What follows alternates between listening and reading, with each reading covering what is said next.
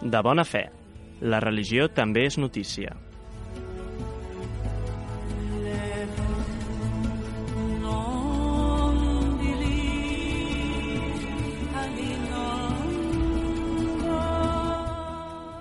Molt bon dia, benvinguts a De Bona Fe, el programa de UPF Ràdio que us portem Andrea Llobera, Molt bon dia. Sergio Segura, Hello! Jenny Navarro, Hola. Júlia Sánchez i jo mateixa, la Mireia Moles. Titulars i comencem.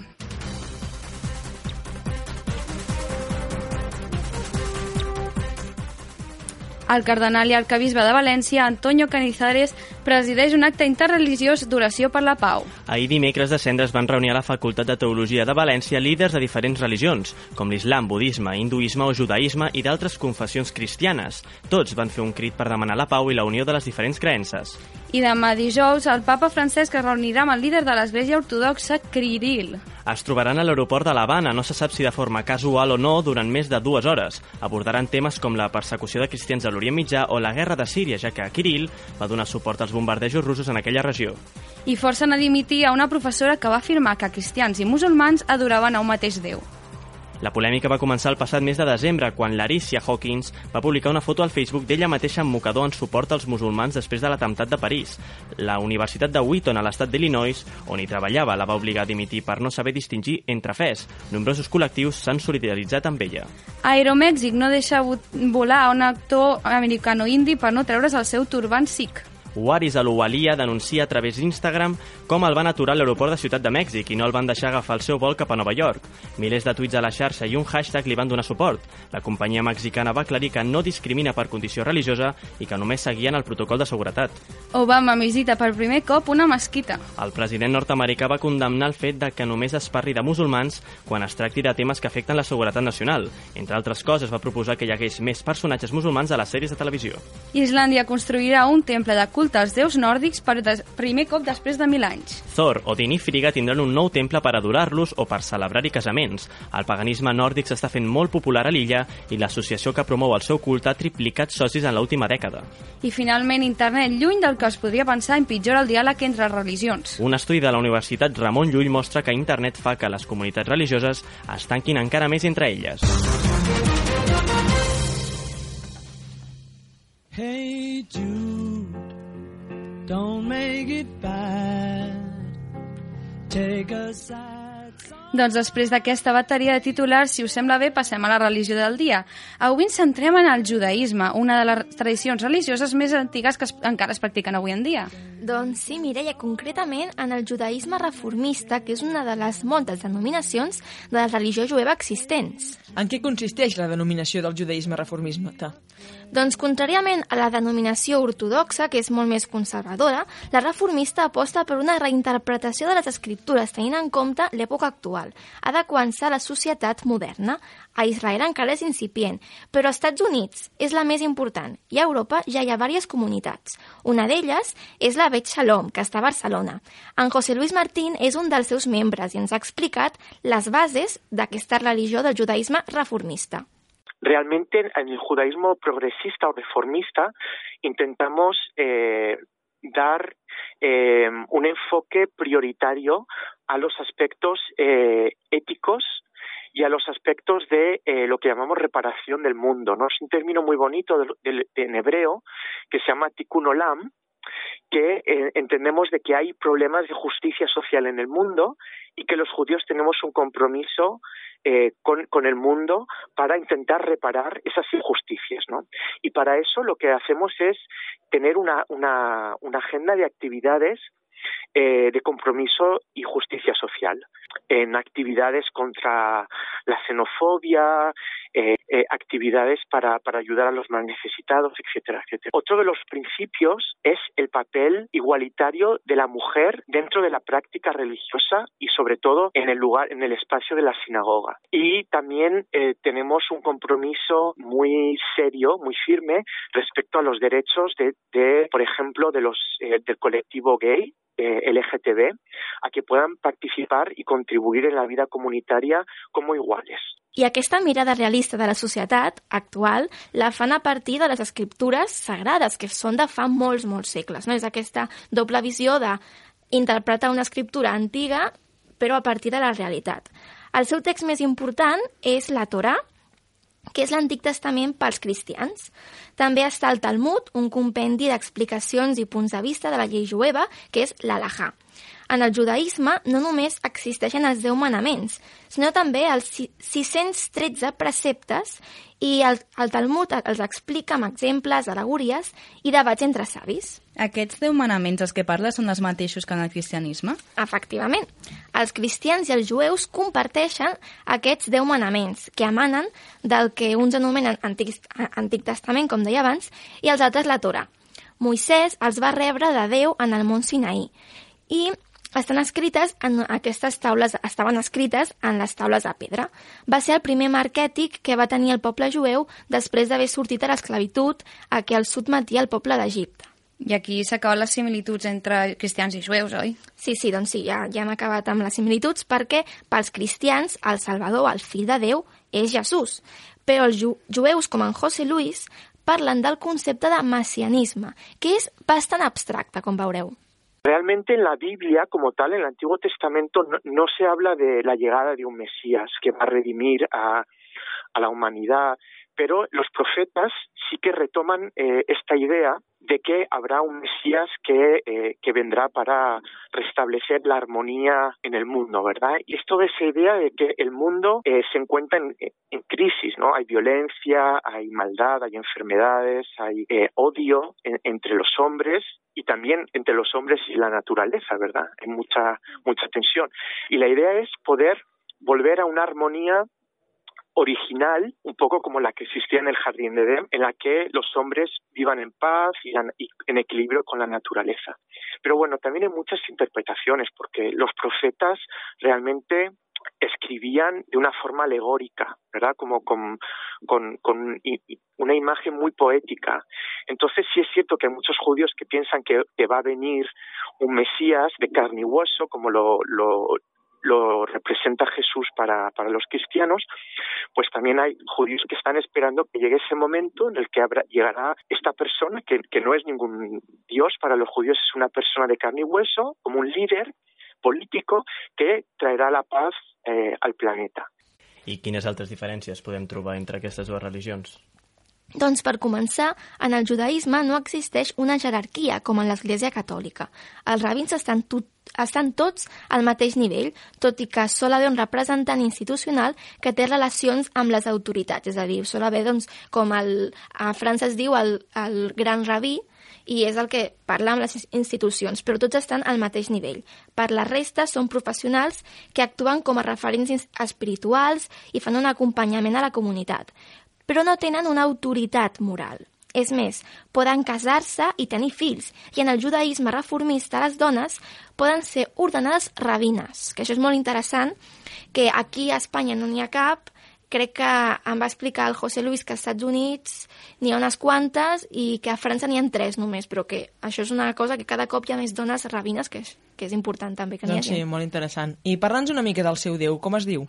Doncs mira, Júlia, això no t'ho puc dir, perquè els jueus consideren una transgressió anomenar-lo pel seu nom, així com representar-lo.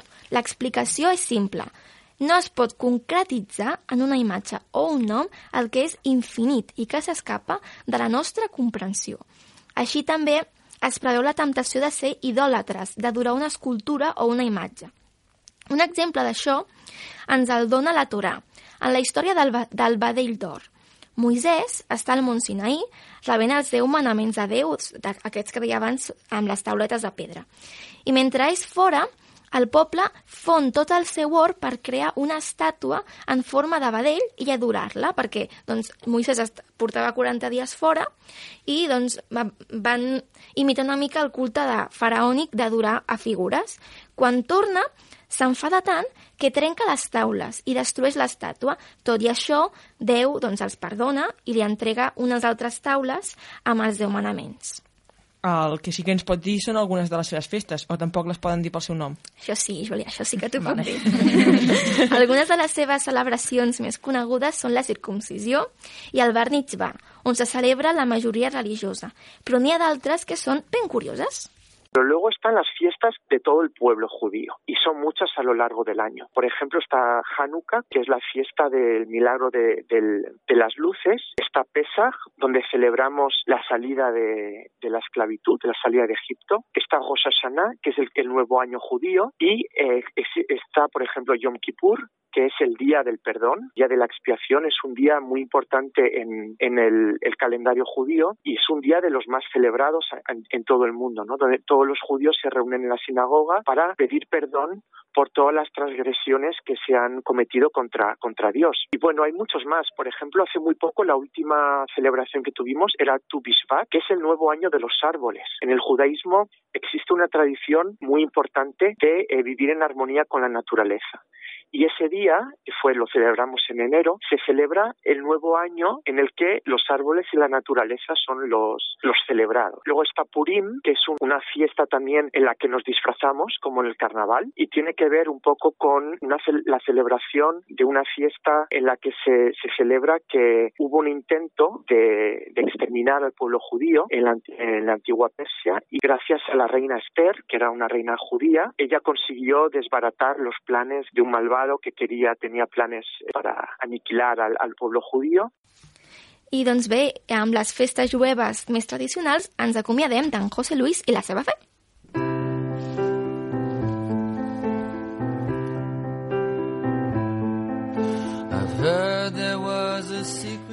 Doncs després d'haver pogut conèixer també el judaïsme reformista, passem en profunditat. I quin és el tema d'avui? Com us sabreu, ahir va ser el dimecres de cendre. I què és això? Doncs és el que es coneix com la fi del Carnaval i dona l'inici a la Quaresma, que durarà 40 dies fins al diumenge de Pasqua. Però voleu saber d'on ve tot això? Doncs ara ho expliquem.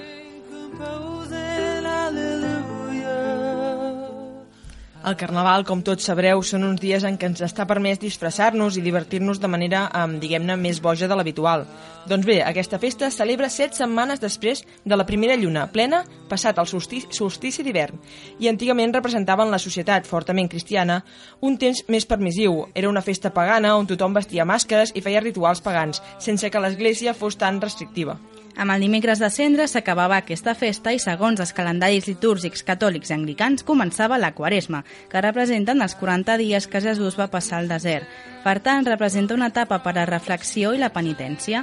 Durant aquests dies els cristians tenen temps per preparar-se per a la celebració de la Pasqua.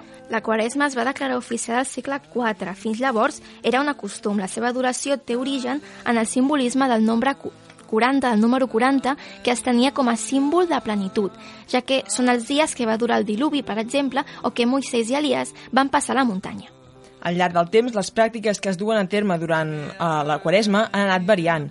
Així, als inicis, el dejuni era habitual de dilluns a dissabte. A l'edat mitjana era habitual la prohibició del consum de carn i ous. I actualment aquests, aquests costums són més, menys exigents. I el dejuni, el dejuni es limita al, diven, al dimecres cendre i divendres sant, que és quan només has de menjar un àpat al dia i el divendres es menja peix, que antigament estava considerat com el menjar dels pobres i, per tant, un menjar humil. La raó del dejuni era perquè els cristians s'identifiquen amb el patiment de Crist durant la passió, és a dir, el temps de vida de Jesús de Nazaret, que va entre el Sant Sopar i la seva mort i enterrament. Les dates en què passa el període de Quaresma varia any rere any, en funció del dia de la Pasqua. El diumenge de Pasqua, quan s'acaba la Quaresma i representa la resurrecció de Jesús, es situa sempre entre el 22 de març i el 25 d'abril, i per tant l'inici d'aquest període, amb el dimecres de cendre, anirà entre el 4 de febrer i el 10 de març. Amb la resurrecció de Jesús el tercer dia després de la seva mort a la crucifixió és la celebració més important en la fe cristiana, ja que simbolitza la redmissió dels pecats del món i la demostració de que l'home té accés a la vida eterna. Amb aquesta data s'acaba la Quaresma i s'inicia el temps de Pasqua. I pels que us pregunteu, i la mona de Pasqua què? D'on d'on ve aquesta tradició? Doncs els seus orígens no són clars. L'existència d'aquesta tradició està documentada des del segle XV, però es pensa que és més antiga. Hi ha hipòtesis que diuen que la mona de Pasqua pot venir de les celebracions gregues anomenades muniques, dedicades a Artemisa, que era la deessa de la caça i el regne animal, o bé de les festes pascorals que els pastors romans celebraven amb coques. Una altra hipòtesi apunta al món àrab amb la paraula muna, que en àrab antic, significava un tribut d'impostos per les terres que es pagava amb menjar. Aquesta tradició consisteix en un pastís que li regala el padrí al fillol el diumenge de Pasqua i el dilluns de Pasqua era tradició que reunís tota la família per anar a menjar plegats àpats abundants. Doncs moltes gràcies, noies i nois. кошерной исторической музыки. Музыки тысячелетия. Avui també llegirem. Sí, portem una secció nova. Tal com deia l'escriptora Santa Teresa de Jesús, llegeix i conduiràs. No llegeixis i seràs conduït. La lectura és important i a de bona fe llegirem i molt. Avui portem la creació de l'home segons el Gènesi, present tant a la Bíblia com a la Torà.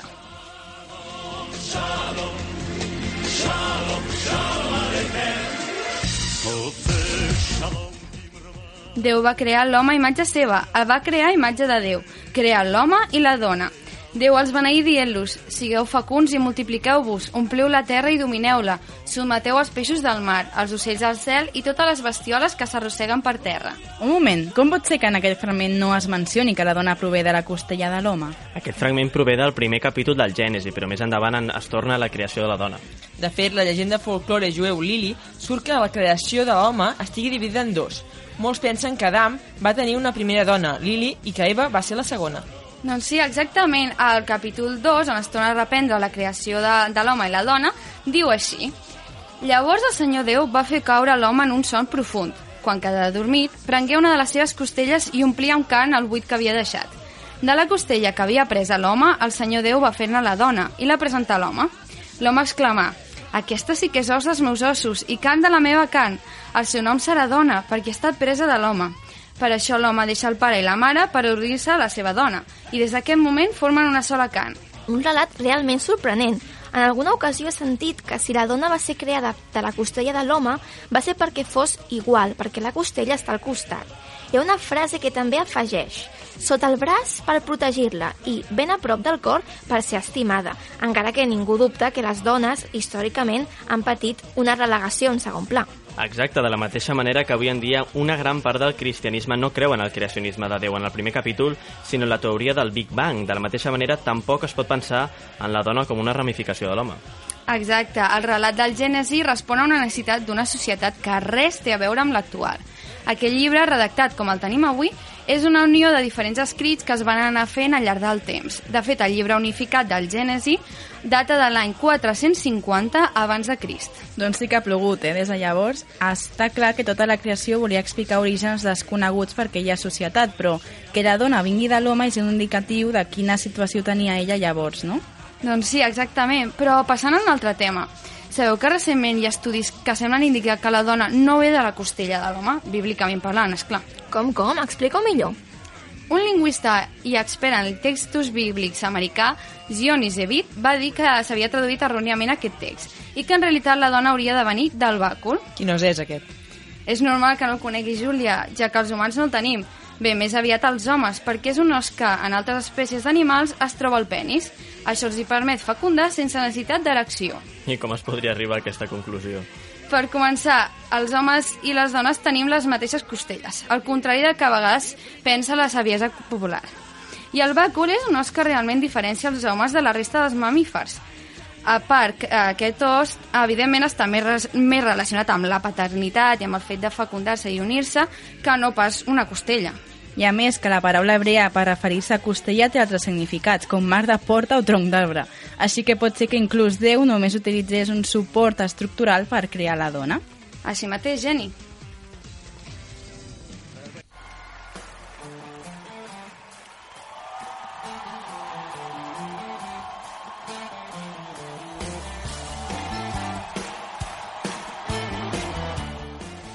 I, bueno, bueno, després d'aquesta lectura que ens ha deixat a tots bo- bocabadats, passem, si us sembla, a una altra secció, que ens porta a la reflexió.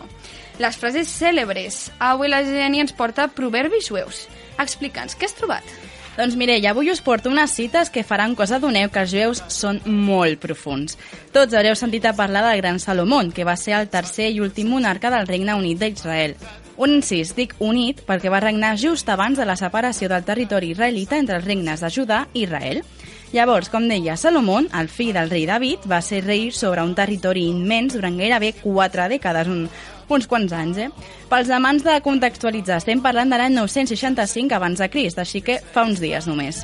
Estava fet tot un profeta, aquest Salomón. De fet, és autor del llibre d'Eclesiastés, del llibre dels Proverbis i del meravellós Cantar de los Cantares. D'ell es diu que era un home molt i molt i molt, molt, molt ric, alhora que molt savi i una mica joarguista, podríem dir. De fet, en molts llibres es comenta que va tenir un gran harent. Es diu que va estar més de mil dones al llarg de la seva vida, entre dones, concubines, només dic això. Però tenia aquesta faceta amagada i tenia content el poble emprenent moltíssimes obres arquitectòniques com el famós Temple de Jerusalem. Una mica com Franco i els pantans, resumint. Molta gent l'idolatrava i ell va acabar creient-se que era un déu a la terra. Va caure en la vanitat i la soberbia, però poc abans de morir va escriure el llibre d'Eclesiastés, com abans us deia, en què aconsella d'altres que no segueixin el seu exemple. Així que sembla que després de viure una vidorra rodejant de luxes, doncs va veure que hi ha més coses a part de lo material. Llavors, ara que ja hem situat el context de la seva vida, passem a comentar unes cites que va deixar escrites que valen la pena comentar. Comencem amb una que reflecteix aquest esperit de voler passar-s'ho bé. El cor alegre fa tan bé com el millor medicament. Què en penseu? està molt bé que aquest home, doncs, m'imagino que bevia molt, no, que s'ho passava Mhm. molt bé, llavors, home, està content, no? Doncs sempre ajuda. Vull dir, jo en aquest sentit estic d'acord amb el Salomón, eh, el fill del rei David. És el que diuen, no? que si psicològicament o estat anímicament estàs bé, no cal el medicament, que a vegades eh, requerim medicaments per coses que es poden solucionar només amb una mica d'empenta personal. Uh -huh. Però en sintonia del que us comentava, que al final se'n van penedir del seu mal, mal cap, diguéssim, va afirmar el que es guanya fàcilment, al final no porta ninguna alegria. Vosaltres, si alguna cosa us costa i després ho aconseguiu, us agrada més o menys? Sí. La... M'agrada és, molt més. Sí, és com la gent que guanya la loteria i després s'adona que no porta facilitat, vull dir... Fel felicitat, perdó. O sigui, clar, realment l'esforç et porta encara més fe felicitat, més satisfacció. Ah, perquè ho has, ho has fet tu amb el teu esforç, no és el mateix que t'ho regalin, no? Mm. Que que fer un treball, un programa de ràdio, no? Per exemple, que et costi, que diguis, ai, no em surt, i al final quan ho fas i dius, La Em recompensa sento és molt, molt millor.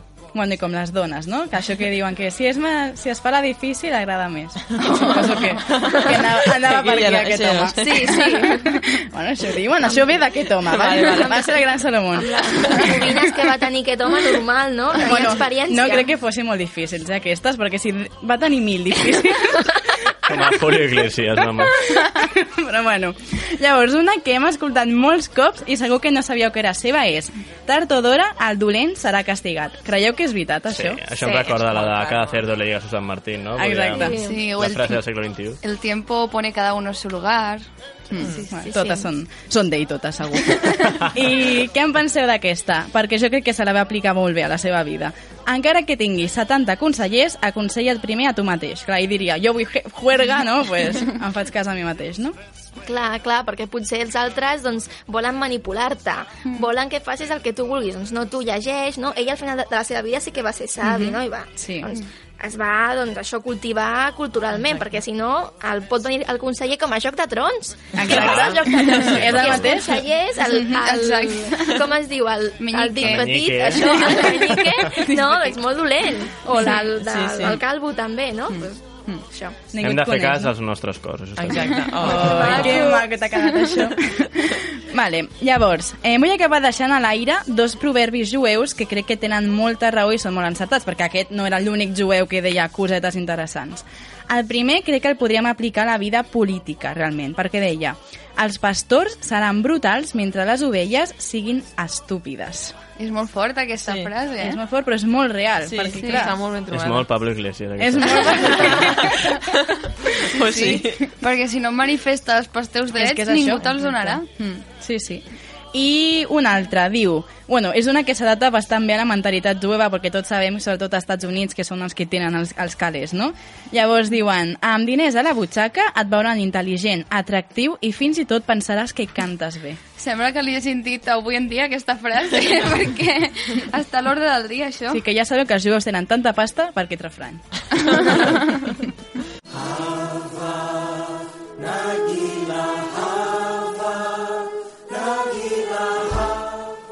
I per anar posant fi al programa d'avui, anem amb alguna curiositat que ens portarà en Sergio Segura. Hola Mireia, bueno, posant fi, tinc bastanta feina i bastantes coses a explicar, però hola de nou a tots els oients. Avui porto alguna que altra curiositat sobre la religió jueva. Em dóna la sensació que a mi personalment, que és una de les grans desconegudes i potser alguna que altra dada o història que us pugui explicar a continuació pot resultar xocant o sorprenent, si més no.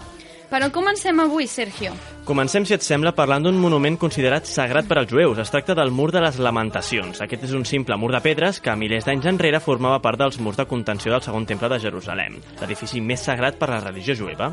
Les restes que encara queden daten de l'època d'Herodes el Gran. Per tant, de quin any estem parlant exactament? Doncs mira, parlem del 536 abans de Crist, però com ja he dit, és un segon temple. Això vol dir que va haver-hi un primer. Aquest primer es deia Temple de Salomó i va ser construït al segle X abans de Crist, fa uns 3.000 anys, però els babilonis van destruir-lo al 587 abans de Crist. El segon temple, que és del que estem parlant ara, va ser reconstruït pels líders amb els noms de Zorobabel, Esdres i Nehemies de Tela, a l'any 536 abans de Crist. I per què has parlat abans de restes del mur? Doncs perquè, com el primer temple, el segon també va ser destruït, en aquest cas pels romans l'any 70 després de Crist, durant la gran revolta jueva davant l'imperi romà. Per tant, podem dir que els dos temples han tingut una vida de 400 anys cadascun.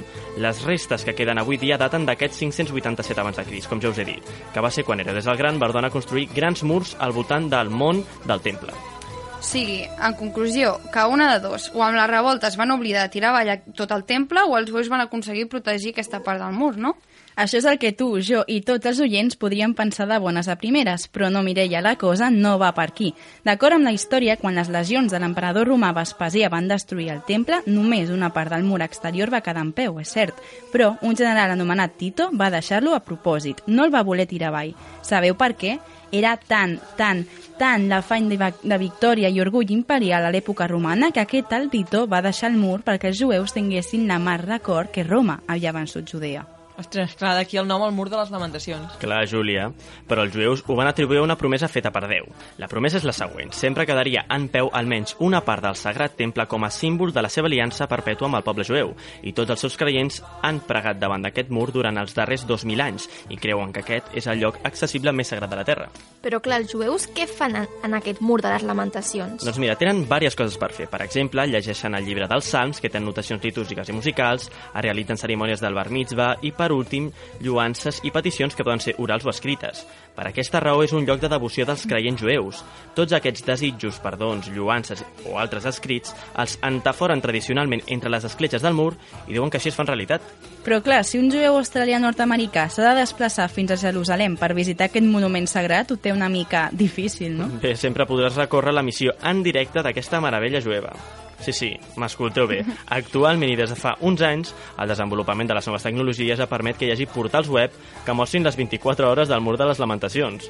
Clar, la religió i les creences no podien quedar al marge del món tan, globalitzat que tenem avui al segle XXI.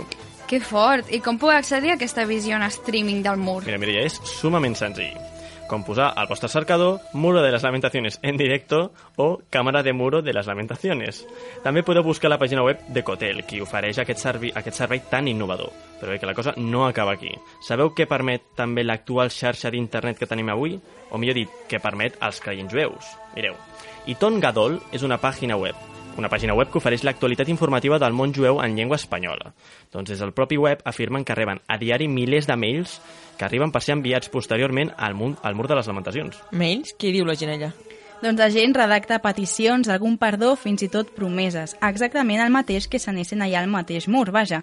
La tecnologia està apropant aquest mur a tots els ciutadans del món. En els darrers mesos ha crescut la quantitat d'usuaris que van ingressar a aquesta pàgina web, a Iton Gadol, per deixar missatges al lloc més sagrat del món pel judaïsme. Una dada, per cert, confirmada pel rabí del mur de les lamentacions, Muel Rabinovich.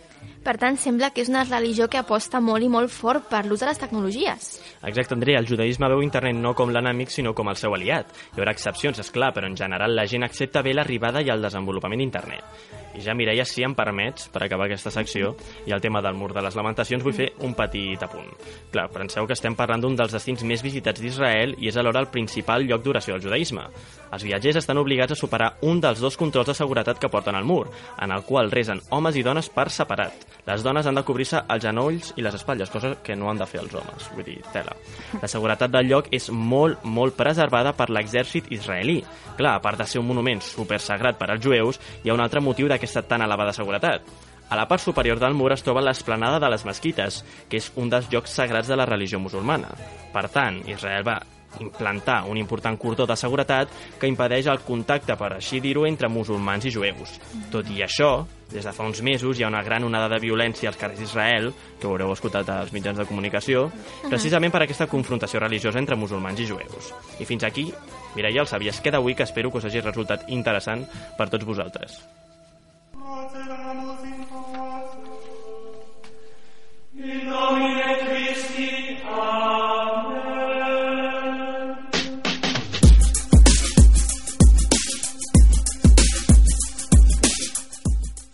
Doncs moltes gràcies, Sergio, i a tots vosaltres, Andrea, Gent i Júlia.